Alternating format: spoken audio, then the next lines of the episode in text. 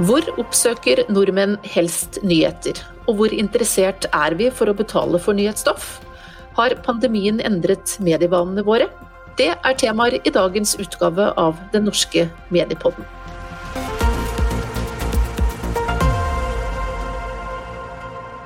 Det er kanskje ikke noe alle går rundt og tenker så mye på sånn til daglig. Men det at vi har et mangfoldig medietilbud som brukes av så mange som mulig, er en sentral del av den infrastrukturen som skal sikre ytringsfrihet og demokrati i samfunnet vårt. Hos oss i Medietilsynet er vi nå i gang med å utvikle det vi kaller et mediemangfoldsregnskap, for å kartlegge og dokumentere hvordan det står til med dette mediemangfoldet, og for å kunne følge utviklingen over tid. Nå har vi akkurat lagt fram den aller første rapporten om bruksmangfold, som handler om i hvilken grad folk tar i bruk det mediemangfoldet som finnes. Og før vi ser nærmere på resultatene, tenkte jeg at vi skulle fortelle litt om arbeidet med dette mediemangfoldsregnskapet. Jeg har med meg Marie Therese Lilleborge. Du er seniorrådgiver hos oss i Medietilsynet og har ledet dette arbeidet. Og Marie Therese, vi må vel kunne si at på mange måter er dette et uh, nybrottsarbeid? Det er absolutt et nybrottsarbeid. Som du nevnte, så har vi jo tidligere kartlagt hvilket mangfold avsendere, altså medieaktører, vi har i Norge. Og denne gangen så ser vi på i hvilken grad befolkningen tar i bruk det mangfoldige medietilbudet som finnes. Og vi er jo særlig opptatt av befolkningens bruk av de norske redaktørstyrte journalistiske mediene. Og hvilke nyhetsvaner vi har. Når vi har sett på folks mediebruk og nyhetsvaner, så har vi jo lagt vekt på å se dette fra flere ulike perspektiver, så her er det mange undersøkelser og forskjellige ulike datasett som ligger til grunn. Fortell litt om hvordan vi har jobbet med denne rapporten. Ja, vi har jo hele 70 målbare indikatorer. Eh, og der måler vi egentlig den generelle tilgangen til infrastruktur, altså tilgangen til de ulike mediene. Da er vi jo særlig opptatt av tilgangen til digitale medier og eh, de eh, tradisjonelle lineære eh, medietilbudene. Og så har vi sett på befolkningens daglige mediebruk, og da særlig nyhetsbruken, som jeg nevnte tidligere. Og så har vi også ønsket å se på hvilken motivasjon og interesse befolkningen har for nyhetsbruken sin. Ja, Vi skal snakke litt mer om eh, koronapandemien, for vi har jo også sett spesielt på mediebruken i denne perioden. Og hvordan kan vi si at pandemien har påvirket mediebruken til eh, oss nordmenn? Vi ser vel at eh, det er en økt mediebruk generelt, og det er en økt nyhetsbruk spesielt. Det har selvfølgelig sikkert mye å si med at faktisk samfunnet stengte ned og vi måtte være mye mer hjemme. Men det er jo også et klart tegn på det økte informasjonsbehovet befolkningen hadde i en ny og krevende situasjon.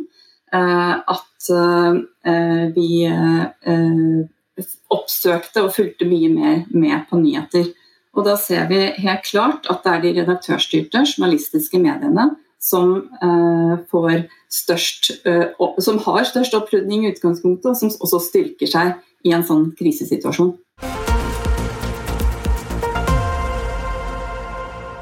Nå er vi jo inne i den tredje bølgen under koronapandemien, og det er interessant å høre litt om hvordan mediene opplever nyhetsinteressen akkurat nå.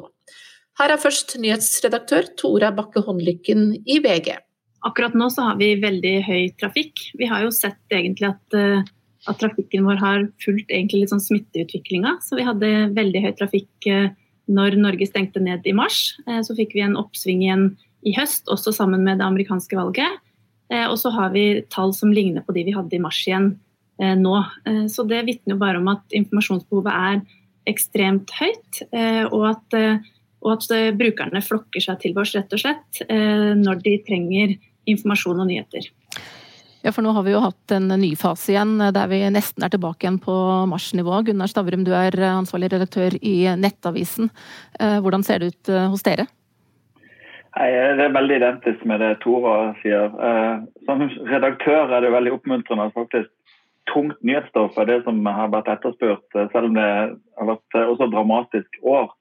Det er fortsatt Trump, men korona er jo helt vilt. Og det har jo vært egentlig ganske høyt hele tiden, men i likhet med VG så er vi også tilbake på en ny topp nå som minner enn den som vi hadde i mars.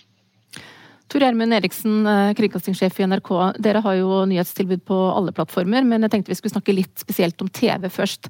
For der eh, skjedde det jo noe da pandemien brøt ut. Eh, TV-bruken var jo inne i en langvarig fallende kurve forut for dette, og så så vi at bruken økte ganske mye etter utbruddet. Og da har TV vært en viktig nyhetskilde for mange under pandemien. Så gikk bruken noe tilbake igjen i oktober, men hvordan ser det ut nå, snart fire måneder senere? Nei, eh, altså for, for å eh, Hvis vi ser 2020 under ett, så er det ikke noe grunnlag for å si at den eh, langsiktige trenden på lineær TV-seing ble brutt. det er jo 2020 sammenlignet med 2019 ble omtrent ja, bitte liten vekst, men under 1 eh, Så det er veldig stabilt. og Det vi jo har sett, er at når folk er mer hjemme, så har man en tendens å ha TV-en på, så den erstatter noe av det behovet som radioen har, eh, har eh, fylt i hjemmene. Men akkurat nå så ser vi det samme bildet som i Nettavisen og VG, at interessen og bruken av alle medieplattformene er økende. og Derfor blir det, det blir litt uh, rart å stille spørsmålet bare liksom interesse for nyheter. For det vi ser er jo at mediebruken og interessen er mindre når det skjer lite, og større når det skjer mye. Eh, sånn at vi ser jo at bruken eh, følger veldig begivenhetene. og 2020 ble jo avslutta med presidentvalget i USA, og vi har hatt dramatiske dager. Det er jo sammen med korona ting som har dratt mediebruken. Eh, vi kommer til å se en fortsatt vekst på digitale plattformer. Vi ser at strømming av innhold vokser kraftig eh, eh, i høst, og, fortsetter nå. Og så går det litt bedre med radio, for tallene i 2019 er riktig at var, var det laveste, men radio når veldig mange i Norge fortsatt. Gjennom 2020 og nå så ser vi at radio eh, henter seg inn litt, litt, igjen. og Det har nok også kanskje sammenheng med at vi er mer hjemme og, og bruker den eh, plattformen. Veldig høy bruk akkurat nå. Vi skal snakke litt uh, mer om uh, nyheter, og um, som rapporten viser, så er det altså bare 1% som aldri oppsøker nyheter. Så er det litt flere som uh, ikke bruker nyheter daglig, men det er åtte av ti nordmenn som daglig følger med på nyheter i redaktørstyrte journalistiske medier. Og så er det TV og gratis nettavis som oppgis av flest som de viktigste nyhetskildene. Kun 18% sier at sosiale medier er deres viktigste nyhetskilde. Hvordan kommenterer dere dette bildet? Ok, um, uh, Jeg tenker at uh, For det første har jeg bare lyst til å si uh, en slags metodisk innvending til undersøkelsen. Altså, det er jo relativt få respondenter, rundt 1000 personer. og vi har eller Dere har spurt dem om hva de husker at de har gjort. Det, det gir en del feilkilder. For så tror jeg at det overteller kjente merkevarer, og så kan det tenkes at det underteller ting som ikke du har så lyst til å si.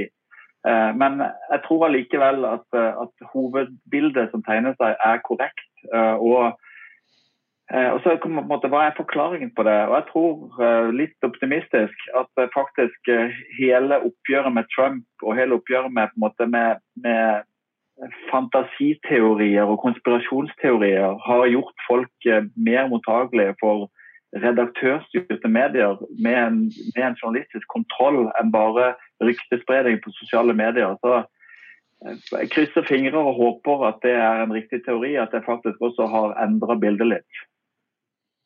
Tora, hva tenker du? Jeg syns i utgangspunktet at det er veldig gledelig da, å se at uh, posisjonen til de redaktørstyrte mediene er så sterk i Norge. Um, og så tenker jeg også De tallene som man ser på de sosiale mediene, så er det viktig å huske på at det er vel noe sånt som 20% som som sier at de bruker det som den primære nyhetskilden, om det var i unge grupper, så tenker jeg at det er jo også innhold fra de redaktørstyrte mediene som deles der også. Så det bildet er jo litt mer nyansert, da. Men utgangspunktet her er jo at, eh, at de redaktørstyrte mediene er styrka, eh, og det er jo veldig, veldig bra. Jeg tror Gunnar er inne på noen av forklaringene på hvorfor, eh, og at folk ser at det er en forskjell på, den, på kvalitetsjournalistikk og og det som eh, deles på sosiale medier fra ymse kilder. da.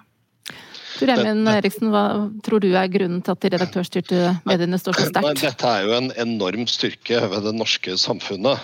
Eh, og det handler jo om å behov for innhold og journalistikk som man stoler på. Uh, og der, der, ser vi at, at bruksmønsteret da uh, endrer seg mot redaktørstyrte mediene.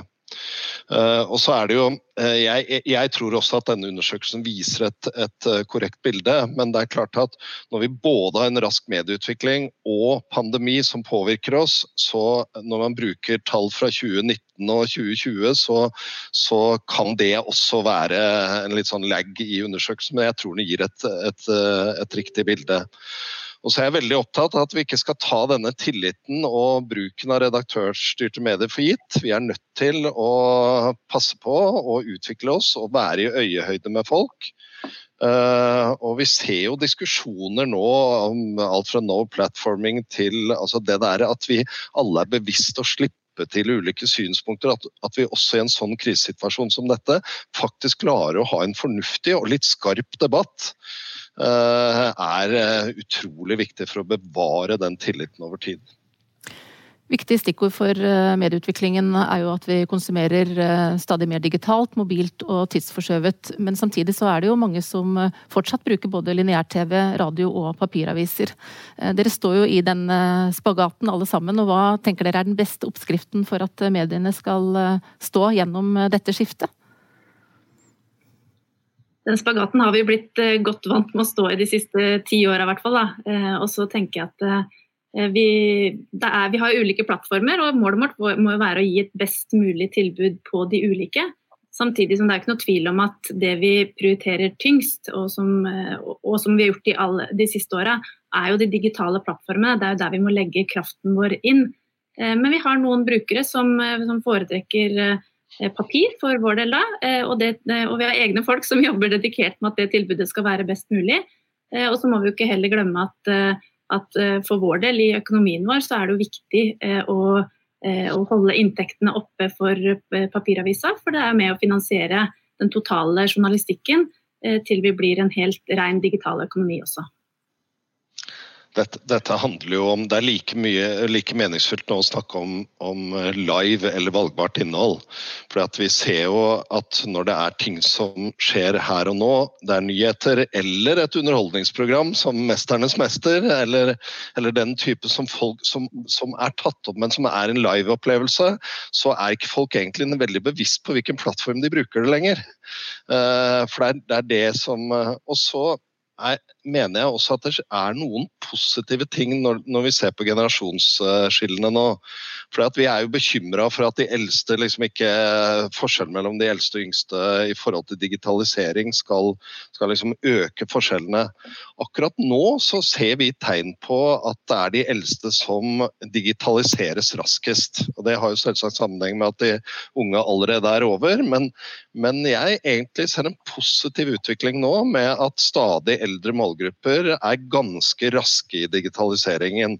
Så jeg er like bekymra for, for sånn, uh, altså den flerkulturelle unge delen av befolkningen som den eldste, i forhold til at vi skal klare å inkludere de i de redaktørstyrte uh, felles åpne mediene.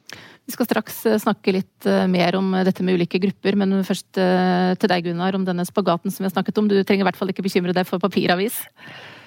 Nei, jeg vil vel også si at jeg ikke står i noe spagat.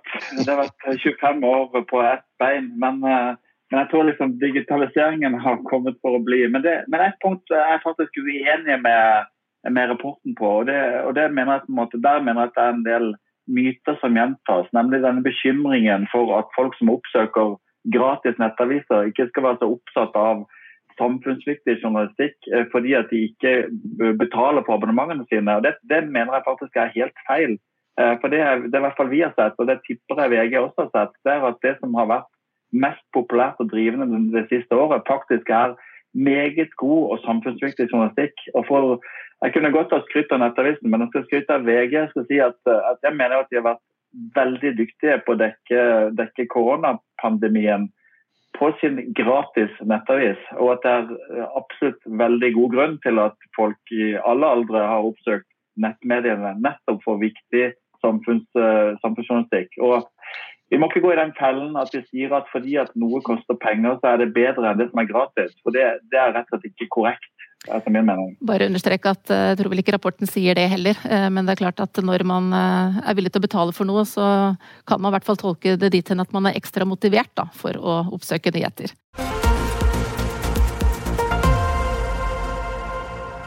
Marie Therese Lilleborge, det er altså åtte av ti nordmenn som følger med på nyheter daglig, og som du nevnte, bare 1% som sier at de ikke forholder seg til nyheter i det hele tatt. Men vi ser at det er noen ulikheter mellom enkelte grupper. Fortell litt om det. Det, kanskje, eh, det største skillet eh, som er egentlig gjennomgående i vår mediebruk, det, det er generasjonsskillet. De yngre og de eldre har eh, ganske ulik mediebruk og eh, ganske ulik nyhetsbruk. De yngre eh, orienterer seg i noe mindre grad enn de eldre mot de redaktørstyrte mediene.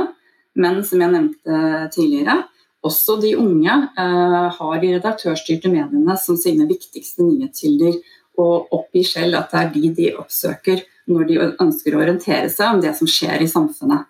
Men så ser vi samtidig at eh, de unge i mindre grad enn de eldre bruker redaktørstyrte medier, og at de også ser ut til å ha et mindre fordypende nyhetskonsum. Er det noe det er grunn til å eh, bekymre seg over med utgangspunkt i de tallene vi har, tenker du? Ja, Det tenker jeg er uh, noe vi i hvert fall skal følge mer med på og kanskje undersøke nærmere. For som um, noen av våre undersøkelser uh, ser ikke direkte på i hvilken grad eh, f.eks. da de unge eh, blir eksponert for eh, nyheter fra redaktørstyrte kilder også gjennom sosiale medier. Og Der har vi allerede nå hatt et samarbeid med eh, SSB, som er, som vår, en av våre viktigste datakilder. Så allerede nå i 2020 så er det målt i hvilken grad befolkningen blir eksponert for nyheter via sosiale medier og andre apper. Så det, det gir oss nok litt mer innsikt i akkurat det spørsmålet. Og redaktørene er enig i at det er en utfordring å nå de unge. Her er Tora Bakke Håndlykken i VG. Dette er jo en kjerneutfordring som vi jobber aktivt med hver eneste dag og måler eh, for å se hvordan tallene våre er til enhver tid. Så tenker jeg det er viktig å huske på da, at um, de unge er jo vokst opp digitalt. Eh, så de har jo en der hvor sånn som jeg kommer fra en papirvirkelighet, eh, så er jo de unge ekstremt kresne. De har jo bare starta digitalt, så de forventer jo ekstremt mye av oss. Eh, og de sammenligner ikke oss med en papiravis. Sånn at alt det nye som kommer, blir helt gull, liksom, som, som jeg kan tenke. Mens de sammenligner oss med Netflix, YouTube, alle andre som, som har en vanvittig god produkt- og brukeropplevelse. Så jeg tenker Der er det jo en jobb vi må gjøre, rett og slett med å, eh, med å tilpasse oss og heve nivået da, i hvordan vi formidler journalistikk på en måte eh, som de unge syns er attraktivt. Hva er det viktigste dere gjør for å nå de unge? Nei, altså Det ene er at vi når de unge i dag. Det er jo veldig bra. Særlig under koronaen så har vi jo sett at, at flere unge kommer når det skjer store nyhetshendelser. Eh, og så jobber vi nettopp med brukeropplevelse. Vi jobber med hvordan vi formidler nyhetene de er opptatt av politikk. De er en engasjert generasjon. Så det handler også om hvordan vi formidler. Jeg tror det å liksom ha en papiravisartikkel på nett, kanskje ikke det engasjerer. Men vi ser jo i hvert fall på når vi formidler VG-nyheter på Snapchat, så jo, har vi jo kjempestore brukertall. Så det handler jo også om at vi må eh, tilpasse oss den måten å formidle eh, nyheter og informasjon på som de syns er attraktivt. Og der har vi en svær jobb å gjøre.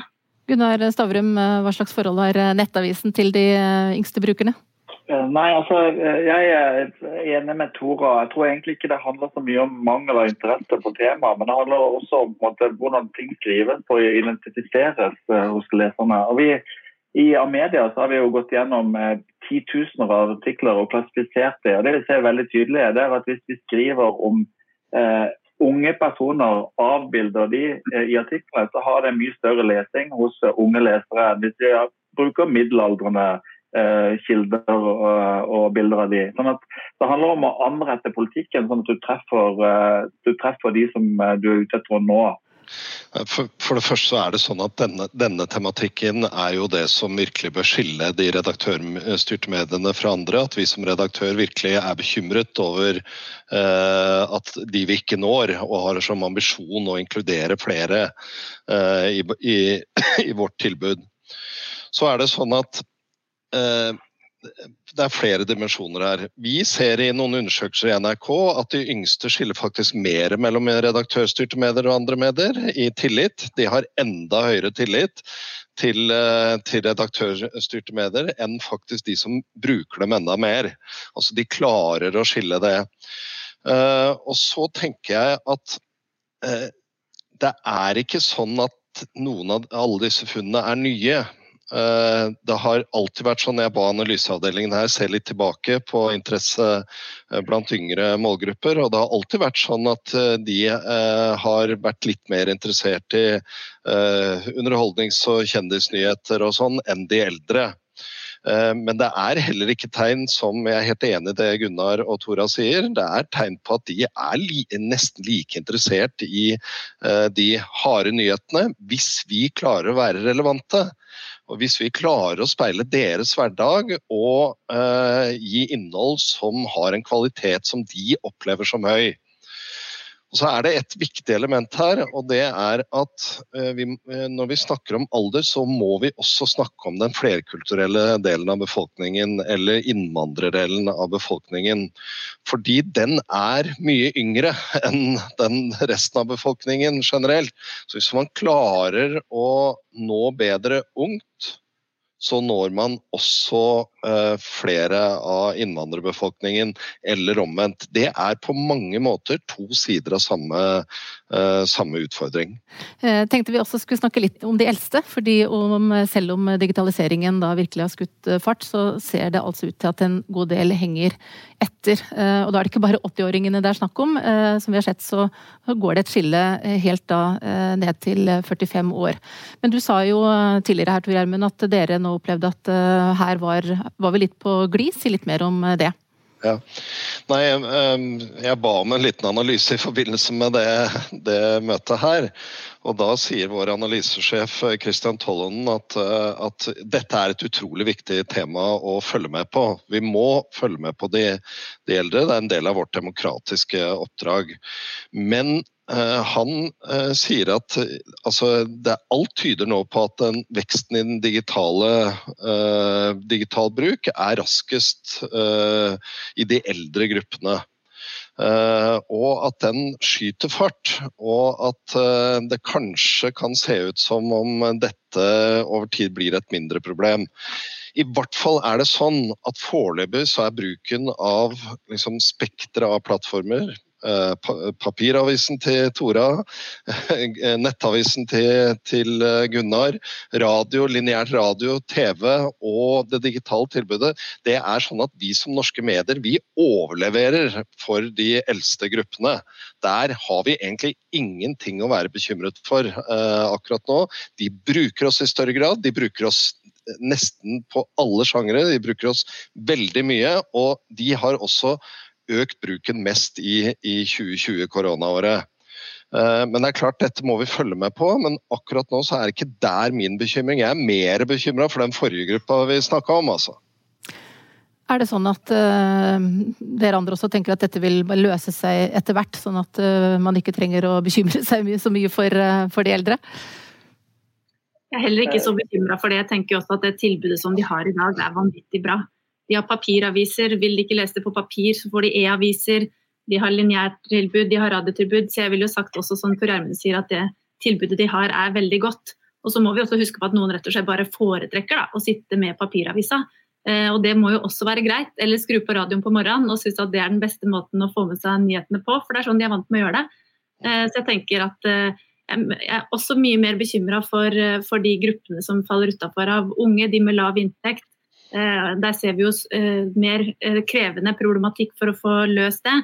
Mens de eldre tror jeg både blir mer digitale og har et veldig godt tilbud som det er i dag også. Men det er jo mye som skjer på, altså mer og mer som, som, skjer digitalt. og Hvis de eldre i liten grad er der, er det ikke da en risiko for at de også går glipp av ting som er viktige for samfunnsdebatten? Jo, altså jo, Vi må jo ha litt uenighet for å få litt debatt her. Jeg tenker at, at jeg syns det er et problem at, eh, at, alle meningsmålinger som lages, eh, de lages stort sett digitalt. Og de ekskluderer folk som er over eh, alle over 80 år. Ingen av de er med på noen meningsmålinger. Og de er heller ikke med i nettpaneler som vi hadde her. Så tenker jeg at I min virkelighet så blir nettavisene, de gratis nettavisene er stadig viktigere som de beste informasjonskildene til rask og god informasjon om samfunnsviktig journalistikk. Og det, jeg tror det er veldig viktig å tenke på den, den, stadig større gruppen av mennesker som er over 70 år, som ikke har vært digitale i hele sitt liv, og som heller ikke i, i individuelt blir det så voldsomt. Det som skjer, som er grunnen til at det, det, det vokser, det er at for hvert år som går, så kommer det nye 70-åringer som i fjor var 69. Sant? Sånn, sånn at du får på en måte en vekst fordi at du får folk som er digitale, som blir eldre. Eh, men, men jeg tror vi jeg tror tragisk nok at det er en ganske stor gruppe, vi snakker nesten om en million mennesker som er i en aldersgruppe som jeg ikke tror kommer til å bli veldig digitale. Og da, da kommer de nok til å også gå glipp av ganske mye god, eh, god, journalistikk som er viktig. Så jeg tror det er et reelt problem at vi bør, bør digitalisere de eldre hvis vi klarer det. Jeg, jeg, tror ikke vi er så uenige. Uh, sorry, Gunnar. Nei, det, er klart at, det er klart at den gruppa som ikke klarer å være med på den digitale reisen, den, det er alvorlig. Det må vi ta. Men den gruppa kommer til å bli mindre. Uh, og, og med, med, respekt, Gunnar, både Gunnar og jeg, eller alle nærmer seg, som ikke er 60, nærmer seg 60.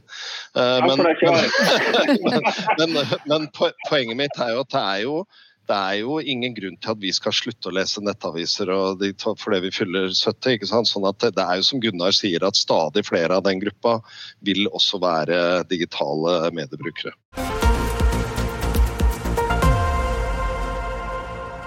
Rapporten ser også på dette med vilje til å betale for nyheter. Og eh, Marie Therese Lilleborge, hva kan vi si om utviklingen der? Ja, Den er jo da eh, veldig eh, positiv. Eh, samtidig som eh, de som oppgir eh, sosiale medier som en av sine viktigste nyhetskilder, går ned, eh, så kommer faktisk de som oppgir betalte nettnyheter som sin viktigste nyhetskilde, tydelig opp.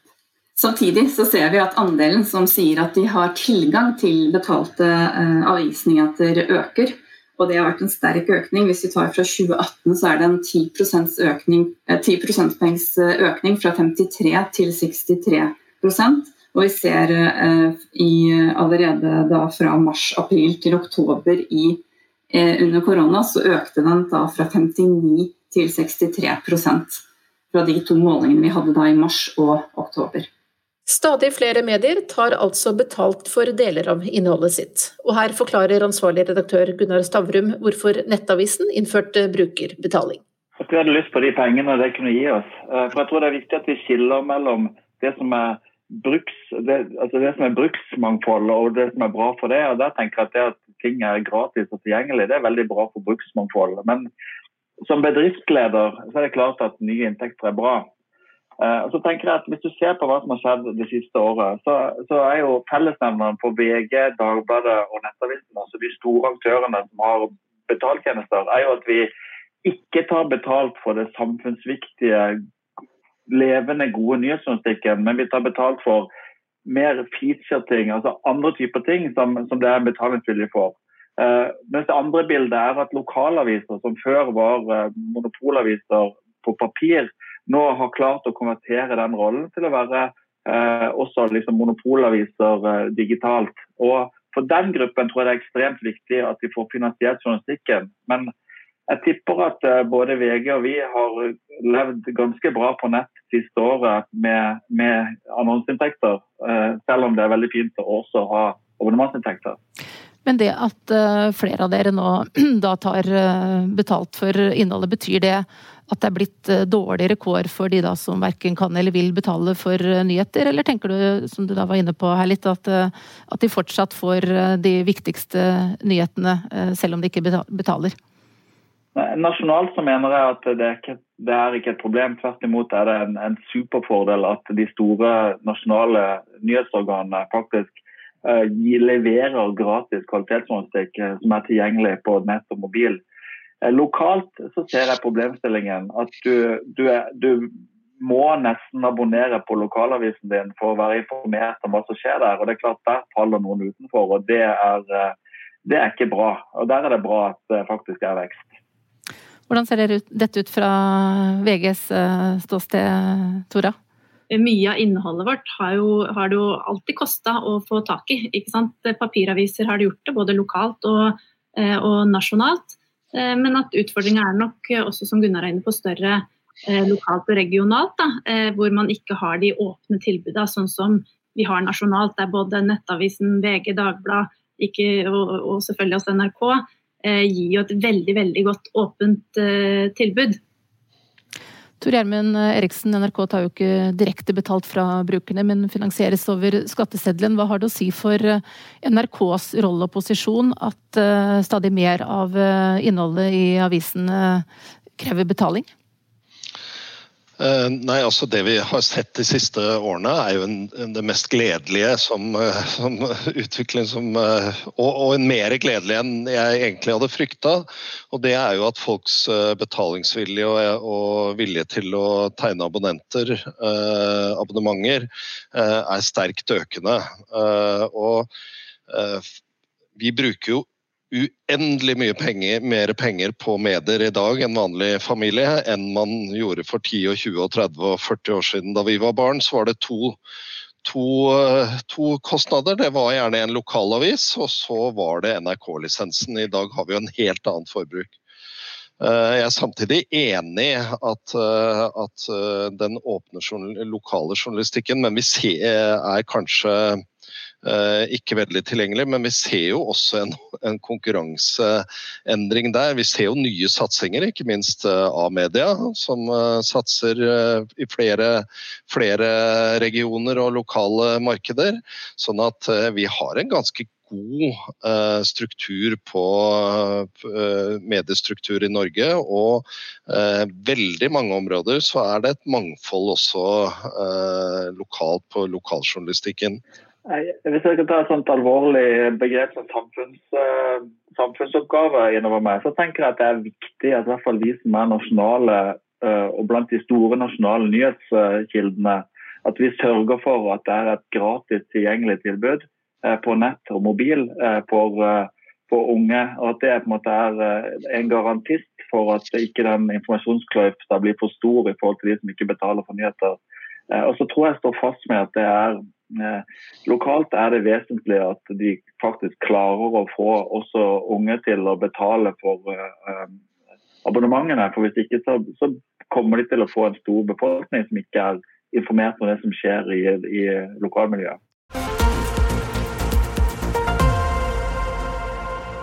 Vi skal også få forskerblikket på nordmenns mediebruk. Og Halvard Moe, du er professor i medievitenskap ved Universitetet i Bergen. Hvordan vil du beskrive helsetilstanden for bruksmangfoldet i Norge etter å ha lest denne rapporten? Aller først vil jeg gratulere med rapporten. Og så vil jeg si at eh, det at det nå finnes en grundig og tjukk og god rapport for eh, bruksmangfoldet, eller en rapport om bruksmangfoldet i Norge, det er veldig bra. Og at Medietilsynet har tatt det aspektet av eh, mediemangfold som på alvor, og bruke tid og energi på det, det er liksom ikke noe vi skal ta for gitt. Og det er jo nytt. ikke sant? Der vi tidligere har snakket om avsender og innholdsmangfold, så er nå liksom bruksmangfold kommet veldig tydelig på, på, bordet med den rapporten. Så det er viktig å understreke. Dette er et, et litt sånn nybrottsarbeid i mediemangfoldssammenheng. Og Det som jeg tror rapporten viser, er jo at det står ganske bra til ikke sant? Med, med bruksmangfoldet i Norge. At det i, i liksom, stort sett så, så, får folk eh, med seg nyheter fra gode, etablerte, uavhengige nyhetsmedier som forholder seg til gode presseetiske retningslinjer, eh, og som liksom gjør de eh, som er en viktig ressurs da, for folk eh, til å orientere seg mot samfunnet. Så det er vel liksom det overordna her, da. Så er det jo sånn, eh, som vi alle vet, at den norske mediebransjen opplever en stadig tøffere konkurranse fra globale aktører med store ressurser. Eh, både økonomisk, men også om folks tid og oppmerksomhet. Likevel så ser vi altså at eh, norske redaktørstyrte medier står sterkt som nyhetskilder. Hva tror du er årsaken til det? Ja, Det er jo fordi de er flinke, da. Eh, altså Mye henger nok sammen med historien her, og det må jeg jo nesten si som sånn medievitenskap-professor. ikke sant? Eh, men altså, den norske eh, bransjen hadde jo et ganske godt utgangspunkt eh, da de digitale mediene og internett eh, gjorde sitt inntog. ikke sant? Eh, man hadde en, en avisflora og en, en, befolkning med avislesere. og man hadde en allmennkringkaster med, med NRK på plass. ikke sant? Og så manøvrerte bransjen på en måte i overgangen til det digitale som gjorde at man klarte liksom å ta med seg da, brukere eh, over. Eh, vi fikk lite, vært å sammenligne med andre land, framvekst av sånne rene digitale nye medieaktører og nye gratismedier. Og, så, og det er liksom et viktig utgangspunkt da, for den posisjonen som de norske mediene har klart å liksom beholde kan man si da, i overgangen til, til nettet. Og så vil jeg også si at akkurat denne med globale plattformer det viser jo en utfordring da, med hele dette eh, perspektivet på mediemangfold fra brukerne. Fordi at eh, Én ting er jo liksom å måle og sammenligne de norske aktørene med hverandre og se på hvor mange som eh, bruker de, men vi vet jo det at det er jo en hel rekke som du sier, Mari, eh, aktører der ute som er en kjempeviktig del av norsk eh, befolknings hverdag. Fra liksom YouTube og Facebook til eh, kanskje mer obskure og, og, mindre aktører. Og hvordan man liksom skal få de inn i en forståelse av bruksmangfoldet, og hvordan man skal vurdere eh, deres rolle, og i neste omgang regulere de, det er jo selvfølgelig en kjempeutfordring nå for mediepolitikken. Ja, Det er eh, et stort spørsmål som vi må ha et eget eh, møte om, tror jeg. Ehm, det er jo sånn at De undersøkelsene som ligger til grunn for denne rapporten, viser at de nasjonale breddemediene med de mest allmenne profilene, ehm, sånn som f.eks. NRK og TV 2 og VG, er mest brukt da som nyhetskilde på tvers av plattformer, og dermed også må kunne sies å fungere som en slags felles orientering mot samfunnet på nasjonalt nivå. Eh, på samme måte er lokalavisene eh, viktig lokalt. Men samtidig så ser vi at ulike grupper ser ut til å kunne falle utenfor de unge, fordi de i mindre grad eh, bruker redaktørstyrte medier generelt, og de er heller ikke så interessert som de eldre i det vi kaller harde nyheter. Og de eldre på sin side, de er i mindre grad til stede på de digitale plattformene, der jo mer og mer skjer. Hvor stor trussel tenker du at eh, disse utviklingstrekkene, disse forskjellene, er for bruksmangfoldet? Mm. Ja, dette er jo selvfølgelig det vanskelige spørsmålet. da. Eh, og Da vil jeg først eh, eh si at eh, og dette er litt sånn kjedelig medieforskerting å si. da. Du får lov til det. Denne, ja, takk for det. Eh, denne, denne, eh, rapporten er verdifull i seg sjøl. Eh, og det at man har tatt brukerperspektiv på mediemangfold, er verdifullt. Men verdien øker jo og blir tydelig når man gjentar disse undersøkelsene, og når man følger denne utviklingen over tid. ikke sant? Med et sånt øyeblikksbilde som denne rapporten gir, så er det jo begrensa hvor mye vi liksom kan si og, og handle ut ifra. ikke sant? Når det er sagt, så er det jo liksom ikke noe nytt da, å være bekymra for at de unge bruker lite nyheter eller finner på andre ting som, eh, som, eh, som vi kanskje ikke er så uh, fornøyd med. Um, men altså, det å følge de unge, og særlig den gruppen av unge da, som i mindre grad bruke redaktørstyrte norske nyhetsmedier når de orienterer seg med samfunnet, det tror jeg er veldig viktig. Og Her peker dere i rapporten på noen skiller. Også, dere sier f.eks. noe om eh, kjønnsforskjeller og om disse med lav utdanning og lav eh, inntekt. og det, vil, det, er viktig å, å, å, passe på. Når det gjelder de eldre, så tror jeg kanskje at jeg eh, kan driste meg til å være i mindre grad eh, bekymra. Det handler delvis om at vi har eh, noen ganske solide kanaler som er ikke knytta til nettet, eh, for nyhetsformidling i Norge. ikke sant? Og Da tenker jeg på NRK, men òg på den ordningen vi har med eh, kommersiell allmennkringkaster på lineær-TV. ikke sant? Som, som vi har sett tidligere at er en viktig kilde for en gruppe i samfunnet. Altså at eh, Ved bortfall av en sånn lineær-TV-tjeneste som et alternativ til NRK, så eh, kan man si at da begrenses liksom eh, den, det repertoaret som en, en, del folk i samfunnet bruker da, når de, når de bygger liksom sin nyhetsbukett. Vi ser jo at medienes økonomi er stadig mer avhengig av brukernes evne og vilje til å betale, og stadig flere har en del av innholdet sitt som en betalingstjeneste.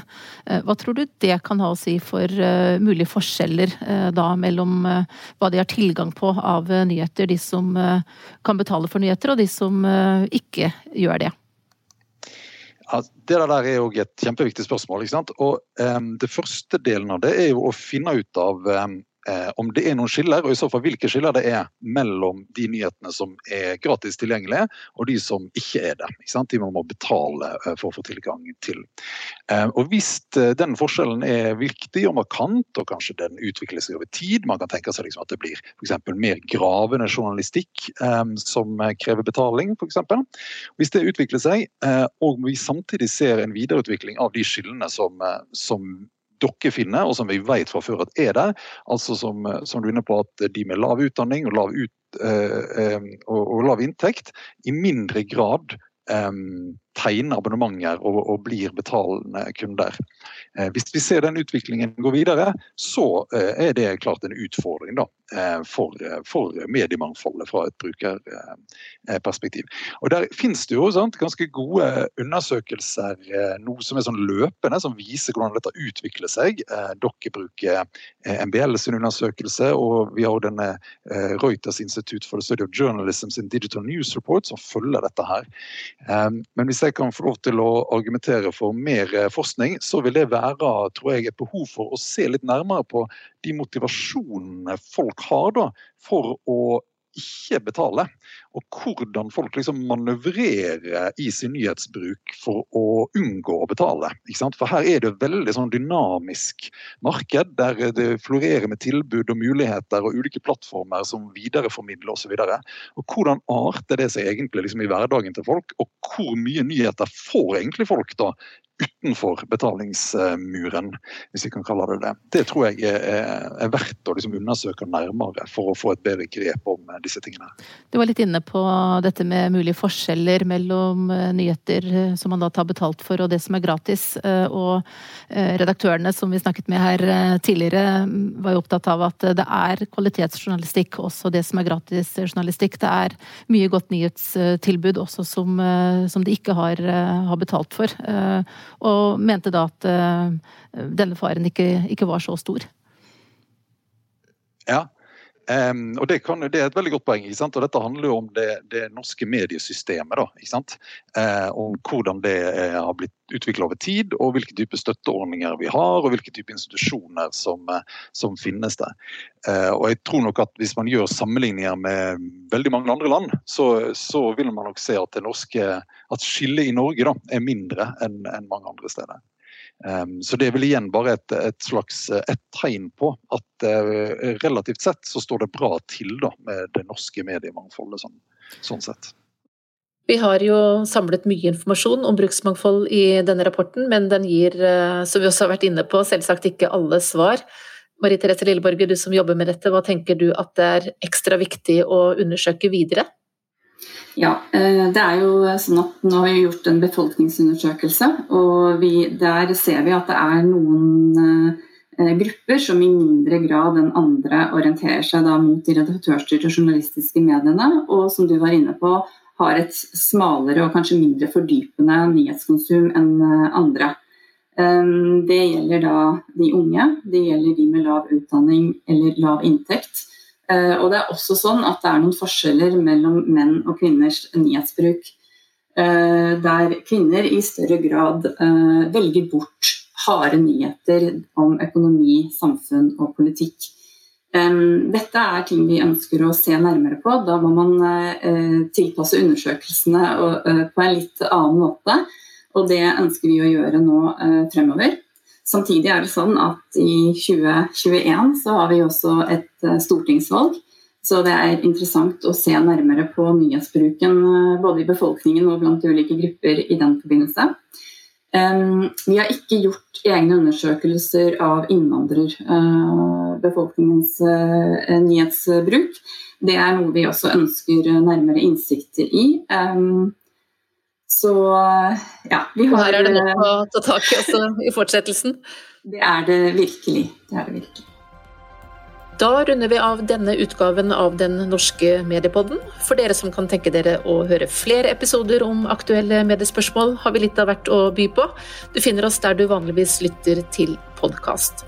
Takk for følget denne gangen. Jeg heter Mari Welsand og er direktør i Medietilsynet.